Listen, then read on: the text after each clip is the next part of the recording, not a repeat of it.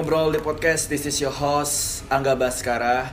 So, kita udah masuk episode ke-25 Ngobrol di Podcast dan di episode ini aku bakal ngajak kalian untuk ngobrol sama seorang laki-laki.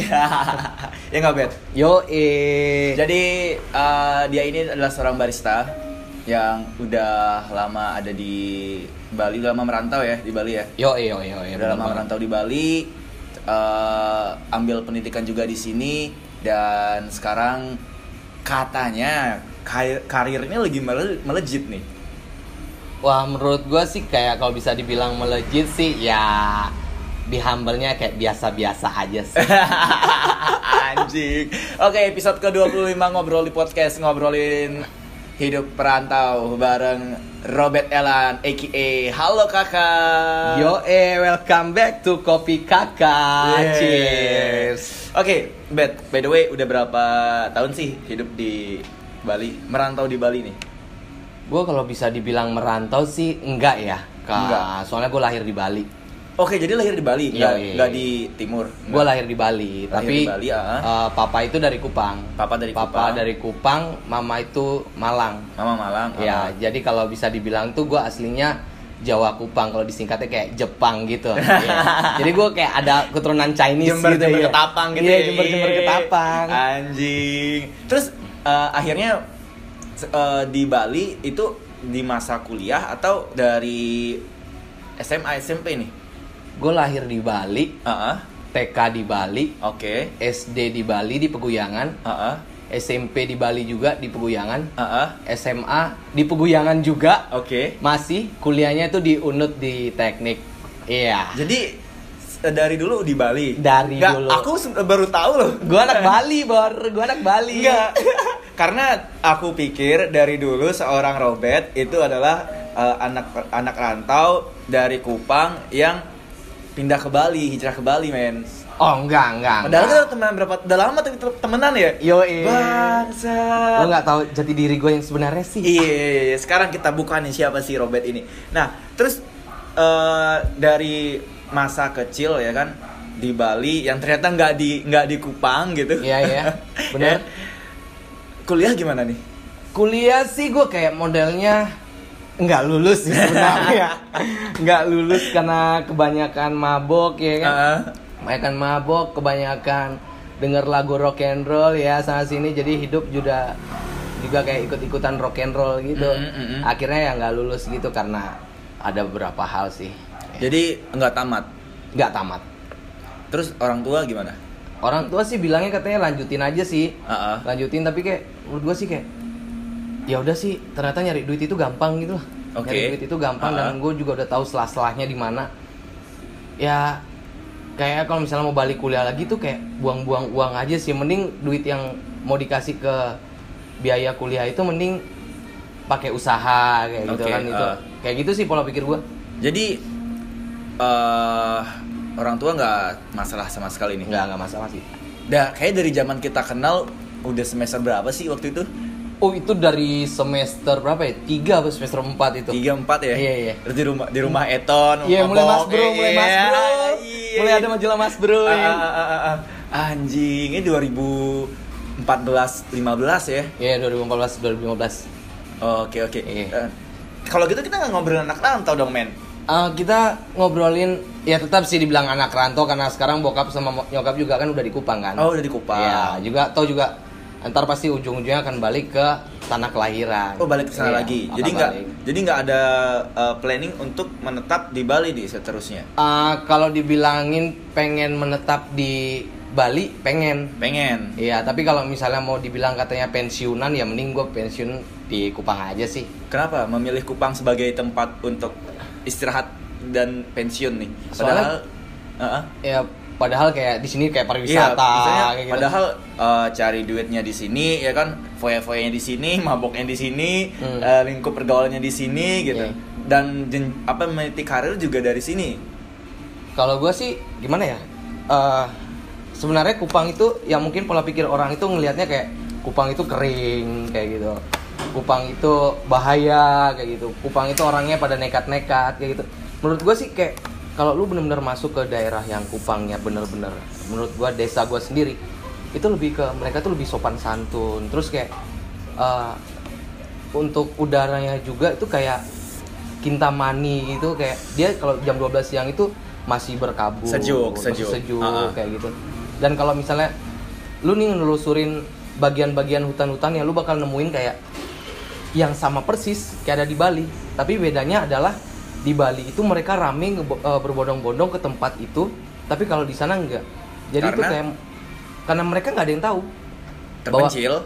bahwa itu tempat yang bagus Oke, hidden place gitu ya. ya, hidden Ah. place tapi menurut mereka kayak ya udah sih biasa aja ini hutan kayak gitu tapi kalau misalnya gue yang kayak orang Bali yang dilingkupi dengan gedung-gedung kayak gitu terus gue datang ke sana tuh kayak wah ini apa nih gue pengen di sini dah gue pengen di sini kayak suara burung terus kayak masih ada suara-suara binatang gue ngebir di sini Alam, nggak ya. ada suara apa pun cuma selain derasnya air sama lo aja udah Udah nggak ada polusi, udah nggak ada polusi Oke, kendaraan. kendaraan nggak ada nggak ada So itu hidupnya tenang banget dong. iya iya bener banget nggak ada kendaraan kendaraan itu ya cuma kayak satu biji lewat Hmm. dua biji lewat Mhm. kayak gitu ya udah gue malah kadang-kadang Robert kamu pakai motor enggak ah mana kuda mana kuda gue bawa kuda aja udah Anjing naik Iya, kuda. naik kuda terus kayak orang lihat apa ini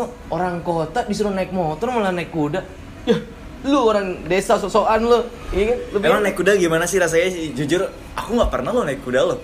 Naik- Kayak kayak kayak pengen sensasinya gitu. Maksudnya eh, ap- gimana sih vibesnya naik kuda? vibesnya naik kuda. Vibes-nya naik kuda. Gue mikirin dulu vibes-nya naik kuda ya. Vibes-nya naik kuda ya gimana ya? Beda sama motor. Motor itu tinggal ngegas dan dia nggak makhluk hidup gitu. Hmm. Tapi kalau ketika lu naik kuda tuh, lu bener-bener kayak, weh ini gue mau naikin lu nih. Tenang, tenang, tenang dulu. Dan ketika kuda itu jalan, lu nggak akan bisa naikin dia. Lu harus Oke. bener-bener nenangin dia dulu, baru bisa. Ah. Dan itu lu harus tahu selah-selahnya dulu. Kalau emang lu nggak bisa, ya lu nggak tahu selah-selahnya ya kuda tuh nggak akan bisa. Kadang-kadang ya nendang lah, ngamuk lah, berdiri lah, kayak gitu. Jadi loncat-loncat kayak kuda lumping ya kan, bisa aja tuh. Pernah berburu nggak sih? Us. Karena stigma kita kalau kita di timur ya kan, eh, correct me if I'm wrong, Hmm. itu kan hutannya masih lebat ya kan, masih banyak kijang rusa dan eh, yang aku dengar daging ketika habis dipanah, eh dipanah, diburu, dipanggang tuh enak banget tuh, bener nggak sih?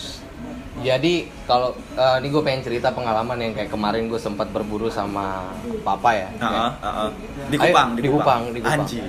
Di Kupang. Itu jadi kayak untuk di desa gue sendiri di di tahun 2019 ini masih belum ada listrik kayak gitu. Serius belum ada Ya, listrik? Cuma di jalan tuh bener-bener nggak ada listrik, masih mainnya genset kayak gitu. Oke. Mainnya genset terus itu diajak berburu kayak gitu, dibawa berburu, bawa senapan angin.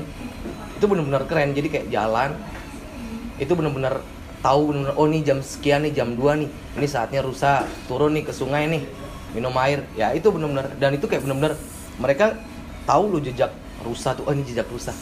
Dan mereka punya anjing kayak gitu yang bener-bener lebih pintar daripada Helder gitu padahal mereka anjing kampung loh kayak Anjing makan- kacang. anjing, Anjing kacang kacang nggak sih? anjing Kalau sini kan kacang anjing ya, kacang disebut ya. jadi kayak mereka benar-benar tahu kode kayak dia bersiul kayak fit langsung ngejar dia kalau belum ada kode apa pun ya mereka nggak ngejar. Kayak gitu sih. Dan Keren banget lah. akhirnya dapat tuh rusa tuh. dapat. Dapat. Tapi ya di sana kayak benar-benar karena kondisinya benar-benar yang masih alam banget. Heeh.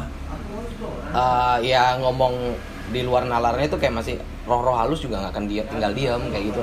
Karena kepercayaan orang-orang sana bilangnya kayak itu tuh peliharaanku kayak gitu loh. Jangan kamu sembarangan dan ketika kamu ngambil juga harus ada tumbal gitu mereka apa kayak berikan persembahan gitu. Kayak ngeri banget iya masih. tumbal. nggak maksudnya ya Sajen, bawa- ada sajen sajen nggak? sajen, Sajen, ya bisa ah, dibilang sajen, sajen, tumbal. Sajen sajen Iya, potong daging dikit kayak Ah, gitu. ah, ah. udah sih sampai di rumah kayak gitu. Kadang-kadang udah aneh-aneh deh. Kayak sapi tiba-tiba ngumpul kuda tiba-tiba ngumpul lempar daging dikit hilang kayak gitu Itu, pengalaman eh, terhoror yang pernah eh, Ki Iya. rasain gak sih? iya iya Maksudnya kalau kita bicara daerah timur kan nggak banyak yang bis, yang orang tahu ya maksudnya sampai pelosok-pelosok gitu Mhm. punya pengalaman mistis nggak sih Punya pengalaman mistis iya. apa tuh Yang kalau misalnya lo tahu sendiri Bas kayak kemarin gue sempat kecelakaan kayak Iya, gitu. itu, Iya kan? aduh, itu Gua parah sempat banget. kecelakaan itu, itu Parah mistis loh. banget sih, parah, Itu mistis loh, itu mistis loh. Ah, ah, ah. Jadi kayak rahang gue bener-bener patah, oke patah muka hancur sampai ini ini nggak disensor ya eh, teman ngobrol ya jadi kalau misal- misalnya kamu eh, merasa agak ngilu dengernya ya kamu bisa forward aja beberapa detik ke depan Iya kayak ah, badan tupat, tit, kayak gitu. nggak usah pakai titit Oh iya, usah. dikit lagi ngomongin titit nanti. Tulang patah segala macam, mata bonyok gara-gara nabrak bundaran Ngurah Rai dulu kan masih bundaran tuh. itu masih bawa Tiger. Tiger Eh, pakai Thunder, Tiger Thunder Thunder. Thunder legendaris bro. Kagak pernah di Samsung. Nggak punya STNK nggak ada SIM dan bisa hidup. Yo, eh nggak ada rem, nggak ada lampu. nggak ada nggak ada lampu. Tapi kita ke single fin. Padahal lo tahu sendiri padahal jalan single fin itu mendaki gunung lewati lembah udah kayak Ninja Hattori men. Yo, Iya kan? Eh kan gue ninja gimana? Ya. ya kayak gitu abis itu dokternya udah bilang wah ini anak nih harus operasi nih harus operasi totalnya 40 juta 50 juta kayak gitu Wah, duit yang besar ya. Iya 50 juta terus katanya disiin pen lah segala macem terus papa nelpon gimana lu masih bisa jalan nggak masih cuma ya leher patah pala patah rahang patah ya udah kalau gitu pulang deh pulang ke Kupang terus langsung dibawa Tapi sebelum sebelum akhirnya sampai Kupang bisa di share nggak ketika perjalanan pulang ini kan udah pada patah nih ya Iya. kan. Kok bisa sih akhirnya sampai di Kupang? Gua- Apa dibungkus peti apa gimana gitu? enggak nih di anu take away enggak enggak bercanda gue bercanda Tapi saya eh, bercanda, eh, enggak serius maksudnya. oh ini kalau yang serius tuh kayak ya udah sih gue jalan nih gue coba oh gue bisa jalan Perban, perban. Muka Enggak, enggak. Oh, muka nggak diapa-apain. muka bonyok bonyok udah bonyok pas masuk bandara tuh ditanyain tuh kenapa tuh "Eh, bisa naik pesawat bisa pak ini cuma bonyok doang tapi sebenarnya tuh kayak sakit kepala tuh parah banget kayak Nggak pakai anti eh, Nggak apa? pakai. Obat pembius gitu. nggak pakai Wah, pakai. strong banget jadi itu manusia kayak sob. sakit kepalanya itu bukan sakit tapi benar-benar kayak terbakar gitu kayak beneran tuh? Kenapa tuh? Iya habis berantem kemarin. Padahal kecelakaan. Kecelakaan kan? Ya udah ya udah udah. Pas di ruang tunggu jujur aja nih. Wah gue udah meluk mama kan wah mau sakit gua mah wah gue sakit gue nggak kuat nih. Ini nih udah minum obat. Minum obat tuh seharusnya satu pil.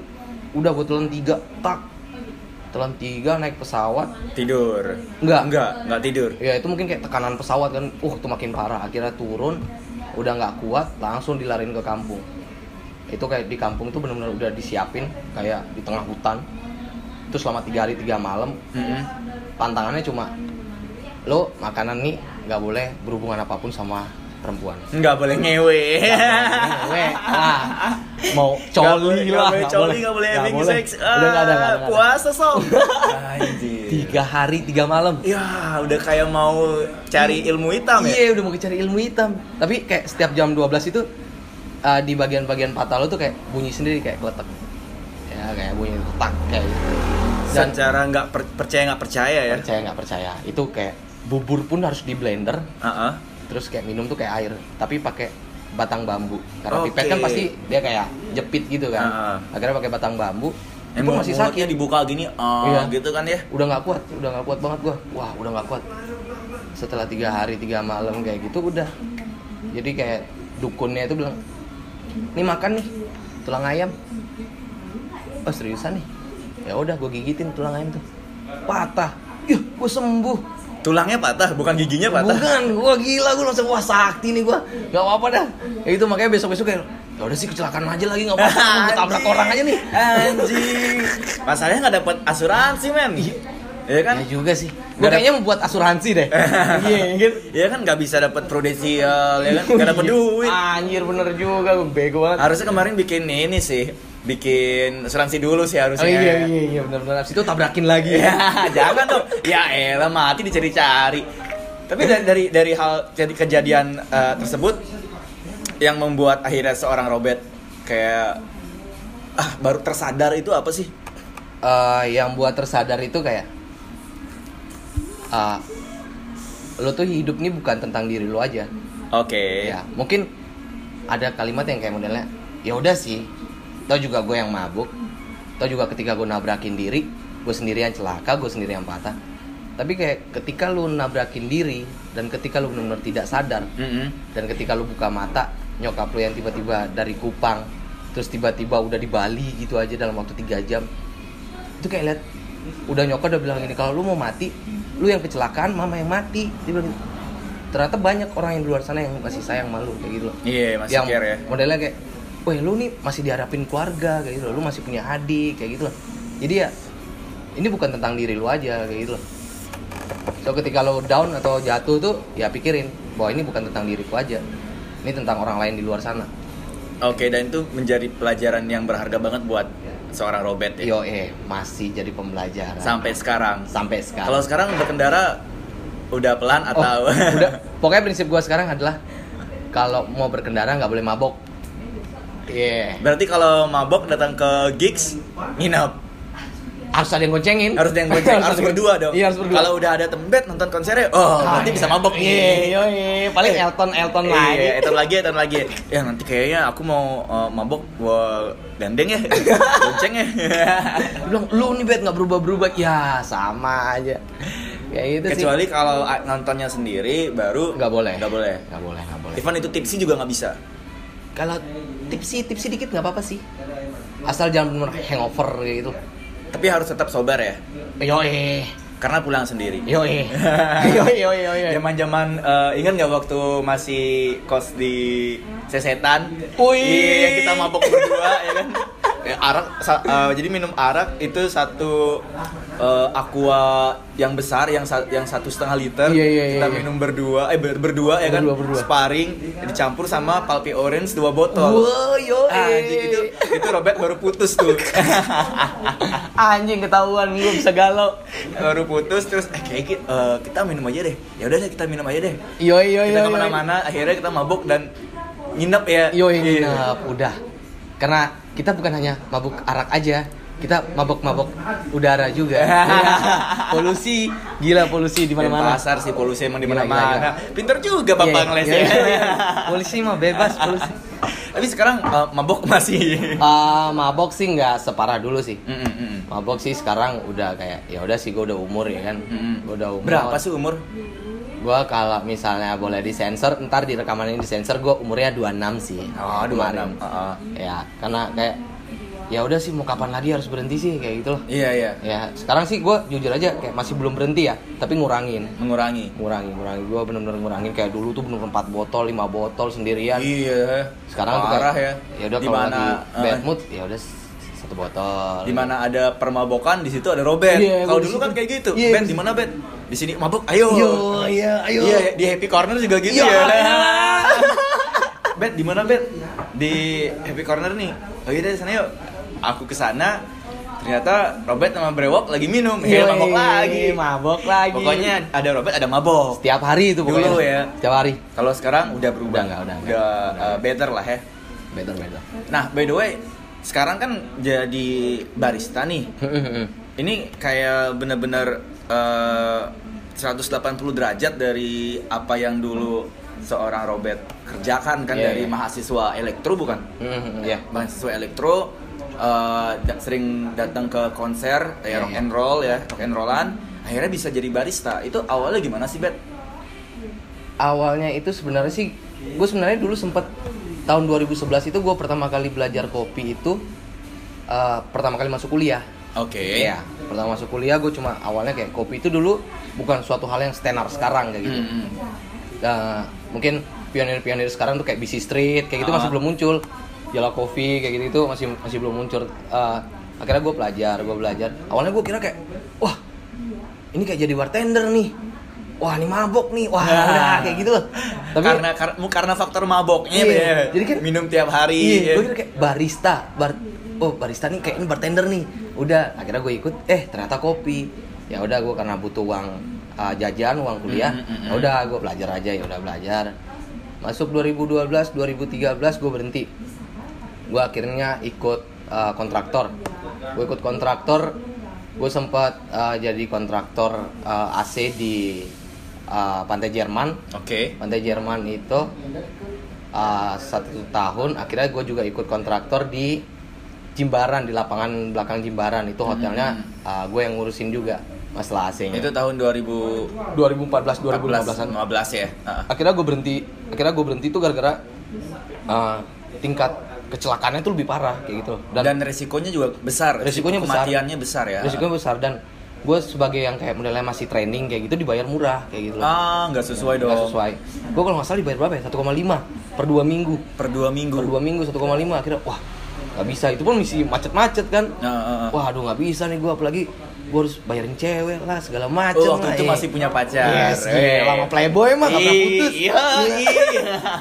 Robert nih kalau ke gigs nggak nggak pernah sendiri. Nggak pernah nih, itu- itu- itu. ada aja yang digandeng nih. iyo eh Kalau nggak tapi bukan pacar teman ya. bukan bukan bukan bukan bukan nggak boleh itu Nggak dilarang ada. itu Dilarang. dilarang dilarang Dalam prinsip pertemanan kita nggak boleh kayak gitu. nggak boleh nggak boleh nggak boleh Dan memang nggak pernah pacar teman ya. Nggak boleh. Syukurnya sih Nggak pernah. sampai sekarang. Oke, terus ya akhirnya menurut gue kayak ya ini udah telat-telat terus resiko resiko kecelakaan juga lebih tinggi hmm, gue masuk lagi gue masuk lagi di barista uh, masih di Black Pit akhirnya nggak nyampe 5 bulan 6 bulanan muncullah Happy Corner Happy corner. Muncullah Happy Corner gue uh, nge-manajemenin satu cafe Mm-mm. dari awal dari benar-benar dari nol sampai desain dan segala macam menu itu sama brewok tuh Mm-mm. waktu itu akhirnya gue jalan jalan jalan jalan jalan di Happy Corner ini juga kayak modelnya uh, ekonominya juga kurang bagus kayak gitu dia minta rame tapi gak berani ngeluarin modal kayak gitu Dan kita sering bikin rugi. Iya, Ya. kayak gitu.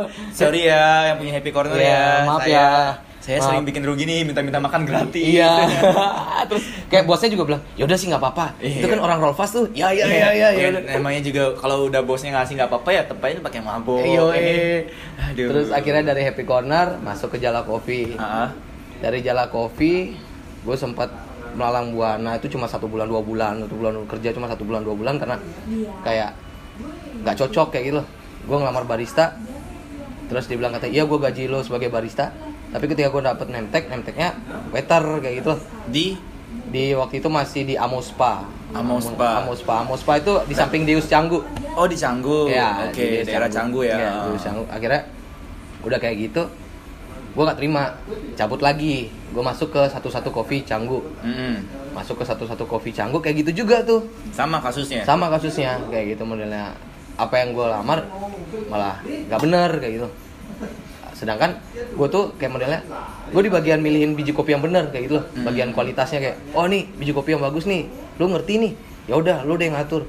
Gue bener-bener nggak disuruh nyentuh mesin, gue disuruh milihin aja tiap hari kayak gitu. loh.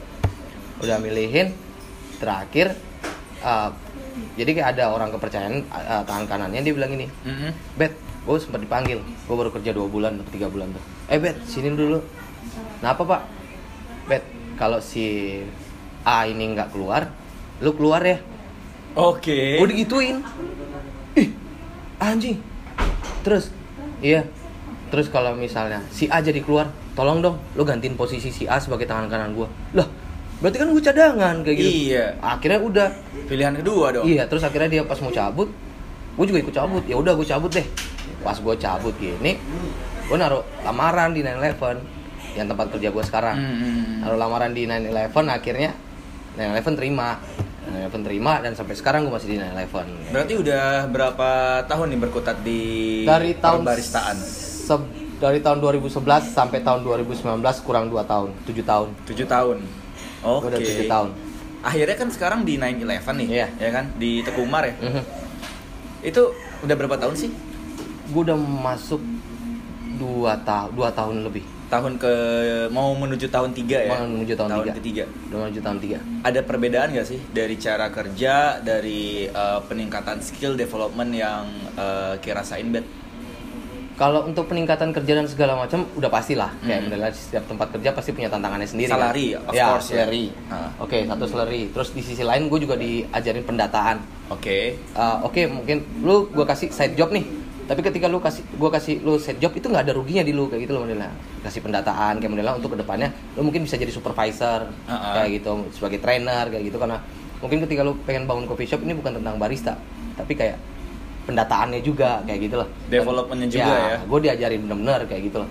Dan di sana jujur aja sih kalau untuk di 911 itu sendiri kayak gue berterima kasih karena tools yang gue pakai ini adalah tools tools profesional banget kayak gitu modelnya dan apa yang gue pakai sesuai dengan permintaannya kayak gitu modelnya gue minta kopi enak. Dan dia benar-benar ketika lu minta kopi enak tapi dengan mesin yang ya kurang menengah ke bawah ya, lah menengah ya. ke bawah kayak ya udah sih gue kasih lu kualitas yang enak tapi setara dengan mesin ini kayak gitu. Tapi kayak ini benar-benar kayak ini gue kasih lu semuanya nih.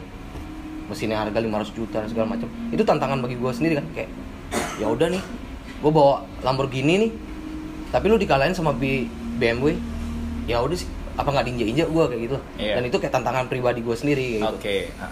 kayak gitu itu yang menurut gua ya nice sih kayak teman-temannya juga kayak mereka tuh benar-benar bukan nganggap lu sebagai karyawan tapi kayak benar-benar manajer kayak owner itu nganggap semuanya tuh kayak Keluarga. keluarga kayak Oke. itu yang bedain yang buat gua kayak nggak mau masih mikir panjang kalau ketika gua mau memutuskan untuk keluar dari perusahaan ini kayak gitu. Dan resign dari perusahaan ini. Yo, Di 911 sendiri eh, udah punya ini nggak eh, customer favorit nggak? Maksudnya customer favoritnya udah sampai oh maunya kopinya merobet deh gitu. Wah, udah, udah, Udah. Gue kalau itu sih gue udah sempet eh, punya customer yang kayak bukan hanya di Bali aja sih, kayak Mm, mm, mm. gue punya customer dari Surabaya kayak setiap kali dia mau Bali, ngopi, uh-uh. mau ke Bali, itu pasti ke 911 dan gue sempet ditanyain berkali-kali kayak gue mau kopinya Robert. Eh, itu si kakak-kakak itu ada nggak sih? Kakak-kakak, iya. Oh, si Robert, Robert. Iya si kopi kakak. Oh, ya udah ya udah gue maunya dibuatin sama dia kayak gitu. Mm. Dan ada beberapa kayak beberapa pengunjung yang kayak ya udah bet lu yang buat ya ya ya gitu sih udah sih udah ada beberapa customer kayak balik lagi sih setiap barista tuh pasti punya customernya sendiri sendiri gitu loh karena setiap barista pasti megang karakternya mereka sendiri kayak gitu sih Seneng nggak? wah seneng dong itu gue ngerasa kayak diapresiasi gitu sebagai seorang barista gitu loh kayak wah thank you lo Ah, ah, pengennya ah. gue buatin nih Ah. jadi gue kayak ya udah sih ini gue kasih nih dan itu eh, beruntungnya gue kayak ketika gue ngebantu teman-teman yang kayak modelnya di luar sana ketika misalnya dia ngebangun coffee shop atau Mm-mm. segala macem Mm-mm. gue ngupdate nih mereka dateng nyamperin kayak gitu Oke. jadi kayak di situ kayak lu ada perasaan bangga kayak wah mereka datang nih buat respect sama gua kayak gitu loh. Itu aja udah kayak suatu kebanggaan sebagai orang yang di kerjanya di hospitality kayak gitu. Termasuk apa yang kemarin kelakuin saat di KAE ya? Iya. Iya. Oh, Iya, iya, di iya. KAE iya. juga ya? Iya. Heeh. Kalau yang di KAI itu sampai ya beberapa teman-teman datang kayak gitu loh, kayak beberapa teman-teman datang sampai pelanggan-pelanggan Happy Corner juga datang kayak gitu. Pelanggan Happy Corner, anak-anak distro yang sering main di Happy Corner tuh datang semua kayak. Akhirnya ya berterusan kayak gitu. Soalnya juga gue sih ke depannya pengen buka coffee shop juga dan jujurnya kayak di KAI itu sebagai eksperimen gue sendiri kayak seberapa Oh, banyak sih oke. gue nih bisa narik orang nih kayak gitu. Dengan branding seorang kopi kakak sendiri. Iya, dengan kayak modalnya cuma Instagram aja gitu. loh. Iya. Sama mabok. gitu. Mabok adalah kunci. Iya, iya, mabok adalah kunci. Menyatukan semua. Iya, ya. iya. Arak mana arak. Iya, iya, Robert mana nih, arak mana nih, arak mana kayak gitu loh. Iya, bisa. Arak, arak, Robert, Robert, Robert. Arak, Iya. Robert bawa arak pasti. Iya, Robert mana nih, arak mana nih. Tapi kayak di sisi lain, ya udah sih. Ah, ketika gue datang sore, terus kalian semua ngumpulnya sore, masa iya kita minum arak sore gitu? Pasti lu ngopi dulu, belanja dulu, kayak gitu sih. Oke. Ini ibaratnya kayak eh, dulu zaman gigs Robert sering nonton konser. Sekarang ketika Robert udah eh, punya nama, venue-nya emang bukan di konser ya, Iya, bukan di tapi konser. di coffee shop. Yo eh, kayak gitu. Karena kayak gimana ya teman-teman kita juga sekarang kayak gigsnya selalu di luar kayak gitu. Hmm. Gigsnya selalu di luar, apalagi sekarang beberapa teman kayak ya baru mau mulai rekaman albu- album kayak gitu. Ya udah sekarang daripada nggak nggak ada ngapa-ngapain, event juga nggak ada. Ini kita buat acara sendiri, event sendiri kayak gitu. Oke. Arti kopi untuk eh, kayak pribadi apa bet? Karena kan tujuh tahun mendalami bidang ini ya, yang di mana yang awalnya kedai kopi itu biasa aja sampai ada filmnya, sampai akhirnya kedai, kedai kopi ini menjamur kayak kacang goreng, sorry Hmm. itu saya Iya, ya. iya, iya. Tapi memang banyak orang akhirnya beralih mem- membuka usaha kedai kopi. Iya iya iya. Apa sih arti dari menjadi seorang barista dan kopi tersendiri buat Robert? Kopi itu menurut gua hidup Oke, why? karena walaupun gue kayak gue benar-benar dari titik nol yang nggak punya basic apa-apa Mm-mm. dengan bokap gue yang engineering Mm-mm. sedangkan gue engineering abal-abalan gitu Ah. gue mempelajari kopi dari gue nggak ngerti dia siapa Otodidak. gue ngerti nggak ya gue nggak ngerti dia apa gimana cara ngolahnya terus sekarang gue kayak oh iya gue udah ngerti lu nih Mm-mm. sekarang karena dia gue hidup kayak gitu Oke. nyari makan nyari Hmm. minum uang beli arak kayak gitu Pertemanan juga. ya? pertemanan kayak gitu semua dari kopi menurut gue kopi itu hidup Kopi itu hidup. ya Kalau menjadi seorang barista, menjadi seorang barista itu dulu adalah cuma sekedar uang jajan uang makan. Oke side job ya. ya side job. Sekarang ke passion. Gue bener-bener cinta nih kopi nih. Gue bukan dalam hal politik gue bukan hal marketing tapi kayak gue sayang sama lu nih apa adanya nih. Kayak gitu loh. Gue nggak ngerti nih kenapa gue bisa sama lu kayak gitu loh dan gue kenapa bisa diperkenalkan sama dia sedangkan gue bener-bener nggak suka kopi sih jujur gue dari kecil tuh gue benci kopi gue cuma suka teh Oke. karena gue baca-baca kayak kopi tuh gue kayak eh kopi tuh bikin cukup orang tua aja kayak bikin orang tua kayak Kopi gitu. itu bikin lambung eh, Asam. asam ya. Iya. Tapi aku memang nggak bisa ngopi pribadi, Iya. uh, to be honest gitu. kopi itu ya kayak dari gue nggak kenal lu siapa Heeh. sekarang lu mau bantu gue dan kayak lu bakal kalau misalnya aminnya lu bakal ada di setiap hari gue sampai tua kayak gitu jadi benar-benar jadi lam, eh, lumbung duit lah kayak gitu loh itu sih. Terus untuk di Bali sendiri, kalau menurut kacamata seorang Robert Allen, Mhm. bisa nggak sih hidup hanya dengan mengandalkan profesi sebagai barista ini tanpa harus, maksudnya tanpa harus uh, build a coffee shop, tanpa harus uh, beli alat atau ataupun tanpa harus punya uh, modal untuk bikin coffee shop dan cuma mengandalkan profesi ini, bisa bisa. iya Jadi bisa hidup dengan hanya profesi ini. iya Why? Kenapa? konsultan Oke, konsultan kopi. iya Ada. ada Wah, aku baru denger nih. ada Jadi profesi, maksudnya ker- job desk-nya apa dong kalau konsultan kopi? Jadi gini eh, kopi dulu bukan apa-apa Hmm. bukan suatu hal yang harus dijadikan bisnis kayak gitu Mm-mm.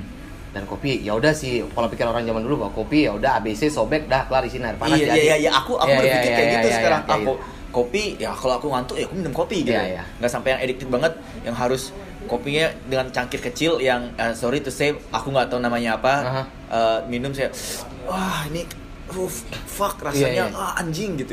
Iya. Edan mana nggak tahu, Iya, nggak iya, tahu. iya, iya. Iya kan? tapi kayak kalau lu sebenarnya tahu sebenarnya kopi itu kopi kita tuh hebat Indonesia. ya kopi Indonesia itu hebat karena sebenarnya kopi itu adalah uh, pohon yang benar-benar menyerap rasa dari tumbuhan di sebelahnya ketika lu Oke. taruh stroberi di sampingnya kopi itu sebenarnya rasa stroberi Secara nggak langsung. secara nggak langsung itu udah pasti tuh udah hukum alam dah Mm-mm. kopi itu ada berapa grade Oke. A plus Mm-mm. A B C dan D sampai E F G sampai jatuhnya ABC Oke. Ya.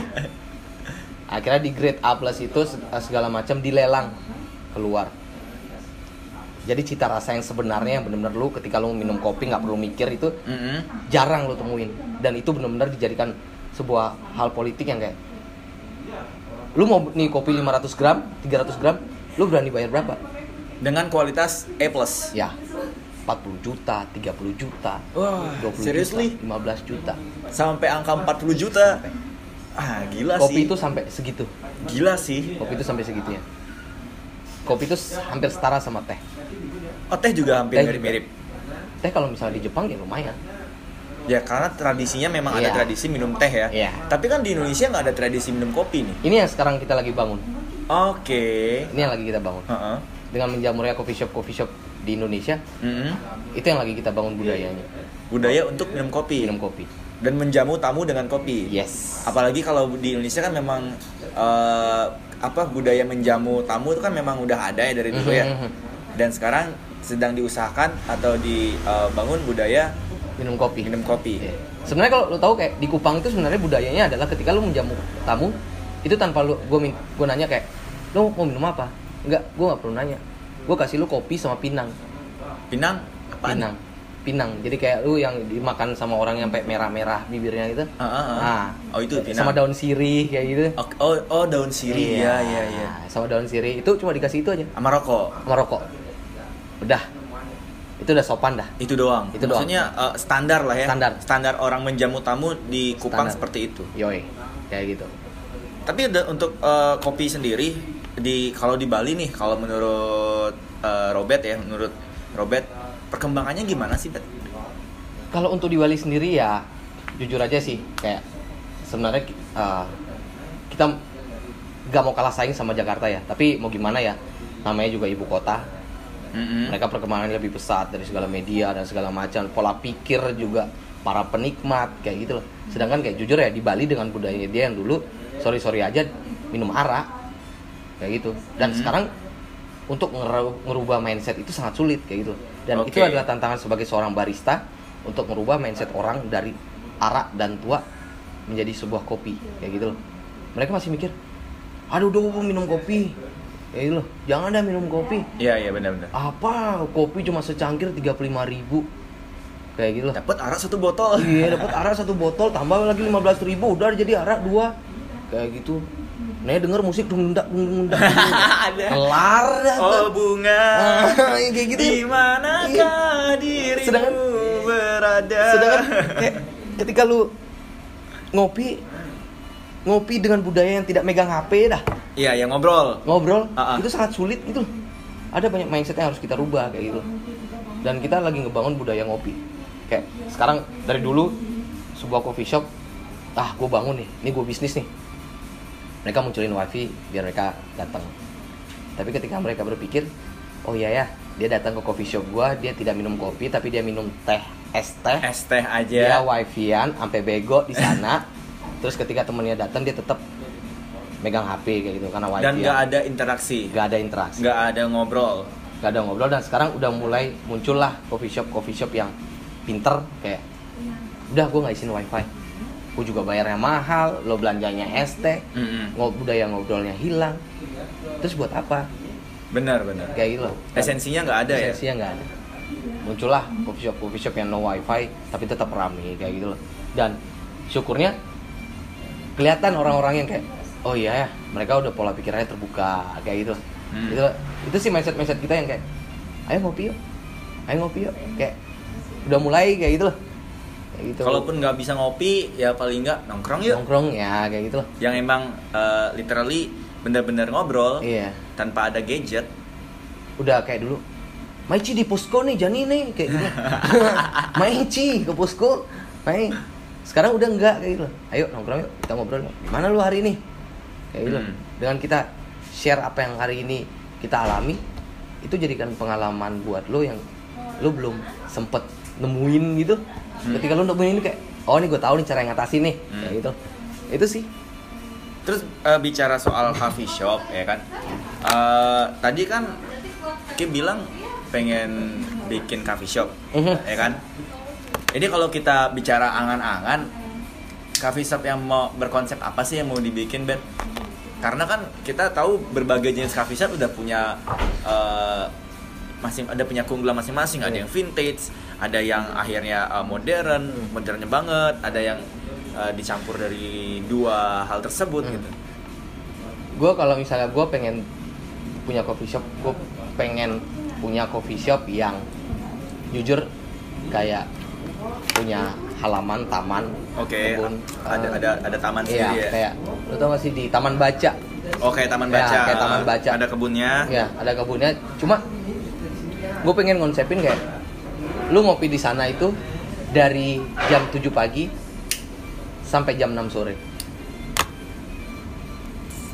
Jadi ngopinya cuma jam 7 enam- sampai jam 6 sore 7 pagi sampai 6 sore. Sore, iya. Karena Ah, dari jam 7 sampai batas sampai jam 10 malam gue pengen ngadain event terus kayak Oh, ada eventnya. event, ya Ah. event terus di sana itu gue pengen jualan kayak balik lagi ke hobi gue yang suka minum kayak gitu gue pengen alkohol yang setiap daerah yang namanya ciu lah, tikus lah, tua dari Bali lah, Mo- Intisari lah, ya. Intisari, moke, Heeh. kayak gitu. Wah, moke sih. moke, Aku penasaran sih.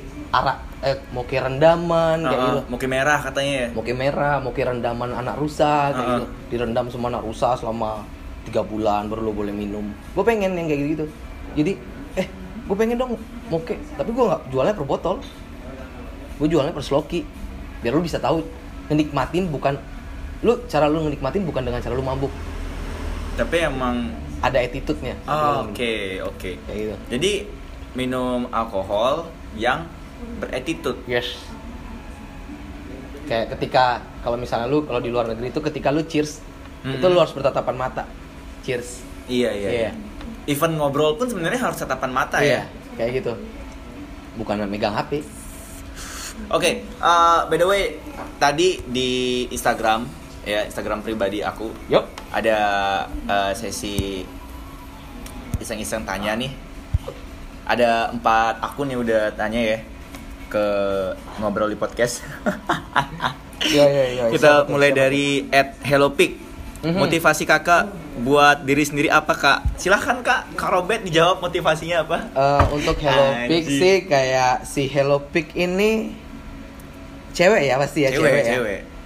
Kalau Cuma motivasi di private man. Oh di private. Iya nggak bisa stalk, nggak bisa stalking gua. Ah, Kamu adalah cewek misterius ternyata ya.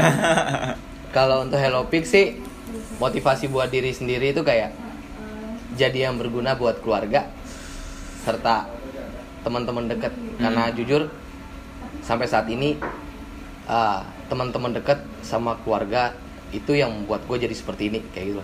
Gue bukan gimana sih, gue dikenal di kalangan teman-teman dan gue ke mana pun gue berada, gue dikenal gitu. Eh, Mm, mm. Oi bet, oi bet, oi bet kayak gitu. Dan itu semua karena teman-teman dan keluarga. Oke, Udah. jadi teman-teman dan keluarga merupakan dua hal yang sangat penting di hidup Robert Iya. ya. Gua akan buat coffee shop biar mereka semua bisa datang. Wah asik, Yoi. ditunggu bro. Ya. Berikutnya dari at Balinux, kayaknya teman kerja ya. Mhm. Eh, yo bro, kapan nikah? Udah ada nggak sih pikiran buat mengakhiri masa lajang? Udah ada, Udah, udah ada. calon udah ada. Ah, calon ini lagi di prospek sih, nggak tahu nih dia nonton apa enggak nih. Oke. Nggak tahu nih dia nonton. Soalnya uh, tumben Robert nggak bawa gandengan nih kalau lagi ke konser terakhir.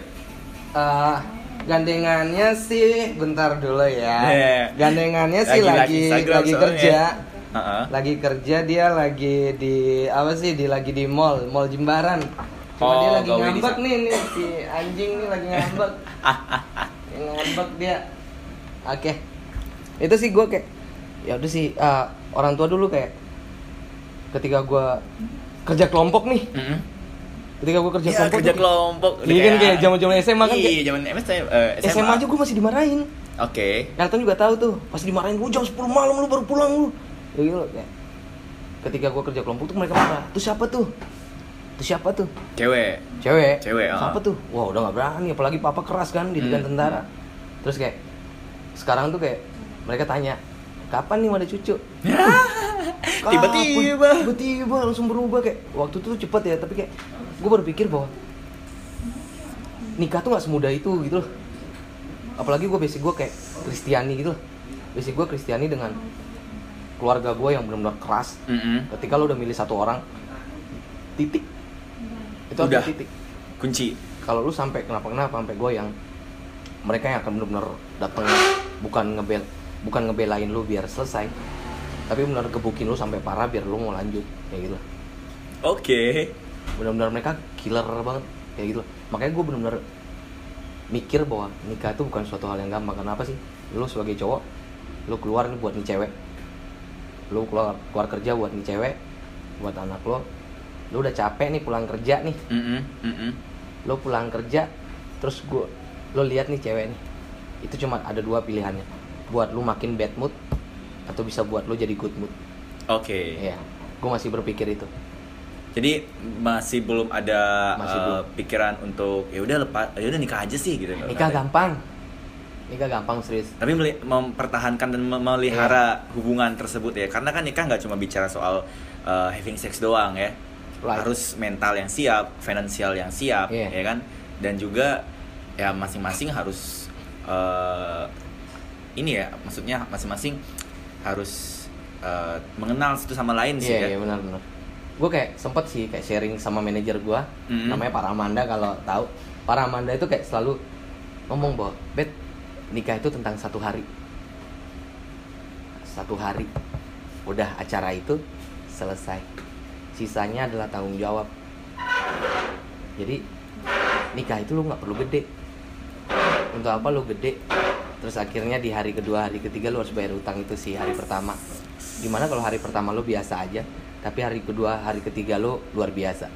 Nah, budaya yang kayak gitu yang masih belum bisa diadaptasi. yes Emang nggak mostly sih, tapi masih ada masyarakat kita yang berpikiran bahwa eh, menikah itu harus besar-besaran. Nggak menyalahkan ya. tidak menyalahkan Selagi finansial kuat ya nggak masalah. Nggak apa. Mm-mm. Gak apa-apa Ya, Oh, kayak gitu oke. sih makanya kayak gue berpikir kayak ya kayaknya lagi dua tahun lagi deh Dua Kayak gitu. tahun lagi. ya karena gue juga prospek yang kayak yang sekarang ngasih belum siap mental kayak Mhm. gitu karena gue sempet nyari alasan sama nyokap kayak mah gue nggak ada duit terus dia bilang udah gak usah mikirin duit? Mah gue belum punya cewek. Ya udah mama siapin nih. Ya. gue harus alasan apa lagi? Ya udah gue bilang Jodoh-jodohan Iya. Siti Nurbaya dong. gue bilang ah mah jujur mah gue belum siap mental. Gue masih gue masih bandel. Sampai gue jelek jelekin gue masih mabok. Gue masih sering keluyuran malam. Akhirnya udah dia ngasih ya udah kapan? Kayak gitu. Akhirnya ya gue mikir bahwa kalau misalnya project gue adalah dua tahun ke depan atau nggak tahun depan nah, tahun depan gue resmiin Amin Terus- ya. ya amin gue kayak resmiin dulu tunangan Mhm, dulu kayak mhm. tahun depannya lagi baru ambil ya berarti gue harus siapin mental nih sekarang Benar, benar, Kayak gitu. benar. gue harus siapin mental karena ya sama kayak buat usaha lu aneh-aneh jatuh lu. Fondasinya harus kuat ya. iya pondasinya harus kuat kayak gitu sih Oke, uh, next question. This is from uh, Purnama 2710. Kok buluk ya aslinya? si Kak Purnama ini ngomongnya buluk ya Ini uh, nggak uh, rekan kerja juga gawe. buluk ya aslinya ini Purnama ini sebenarnya rekan gawe sih.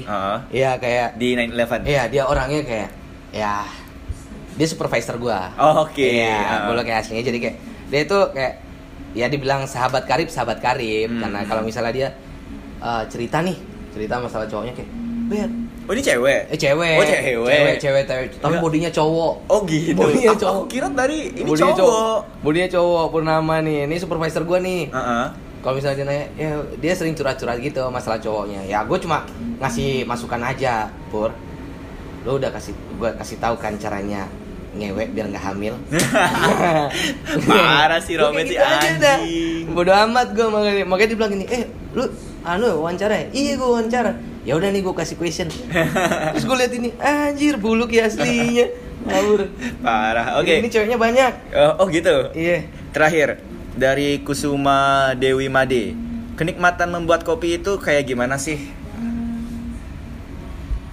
kenikmatan membuat kopi itu ketika lo bisa ngelihat senyum orang yang minum kopi lo terus sambil natap lo terus dia senyum kayak gitu setelah Oke. dia ngirup sirupan pertama Mhm. terus dia pasti bakal ngeliat ke barista itu sudah jadi penikmat kayak misalnya beda ya penikmat sama yang kayak sebuah cuma stylist kayak gitu ketika lo sebagai seorang penikmat itu kayak ketika lo minum lo pasti akan ngeliat barista siapa Ap- mengapresiasi. mengapresiasi dan ketika dia tersenyum buat lu itu keren banget apalagi sampai bonusnya ya kayak sampai masukin Instagram kayak gitu sampai masukin Instagram dan dia sampai datang berkali-kali buat lu kayak gitu itulah kenikmatan yang benar-benar nggak bisa lu bayar kayak gitu thank you kayak gitu Apal- apalagi sampai bilang gue pengen dong dibuatin rompet lagi. Lagi. Lagi. ah.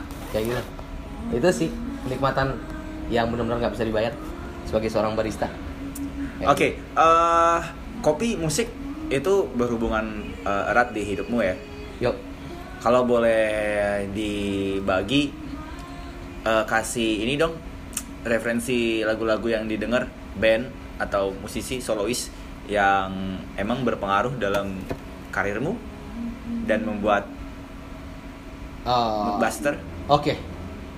Eh, musisi yang benar-benar yang pengen yang bisa selalu nguruk mood buster gue tuh kayak awalnya tuh nomor satu YouTube Oke, YouTube ya. YouTube. Belakang YouTube. YouTube Is yo eh YouTube bener bener bener ada YouTube di sini bener YouTube judulnya Still Haven't Found I Still Haven't Found Hmm. ya itu benar-benar kayak nyeritain diri lo yang kayak modelnya eh, lo kenal nih siapa pencipta lo nih Oke. tapi kehidupan lo kayak gini nih yang lo tau yang kita ceritain dari tadi nih ah.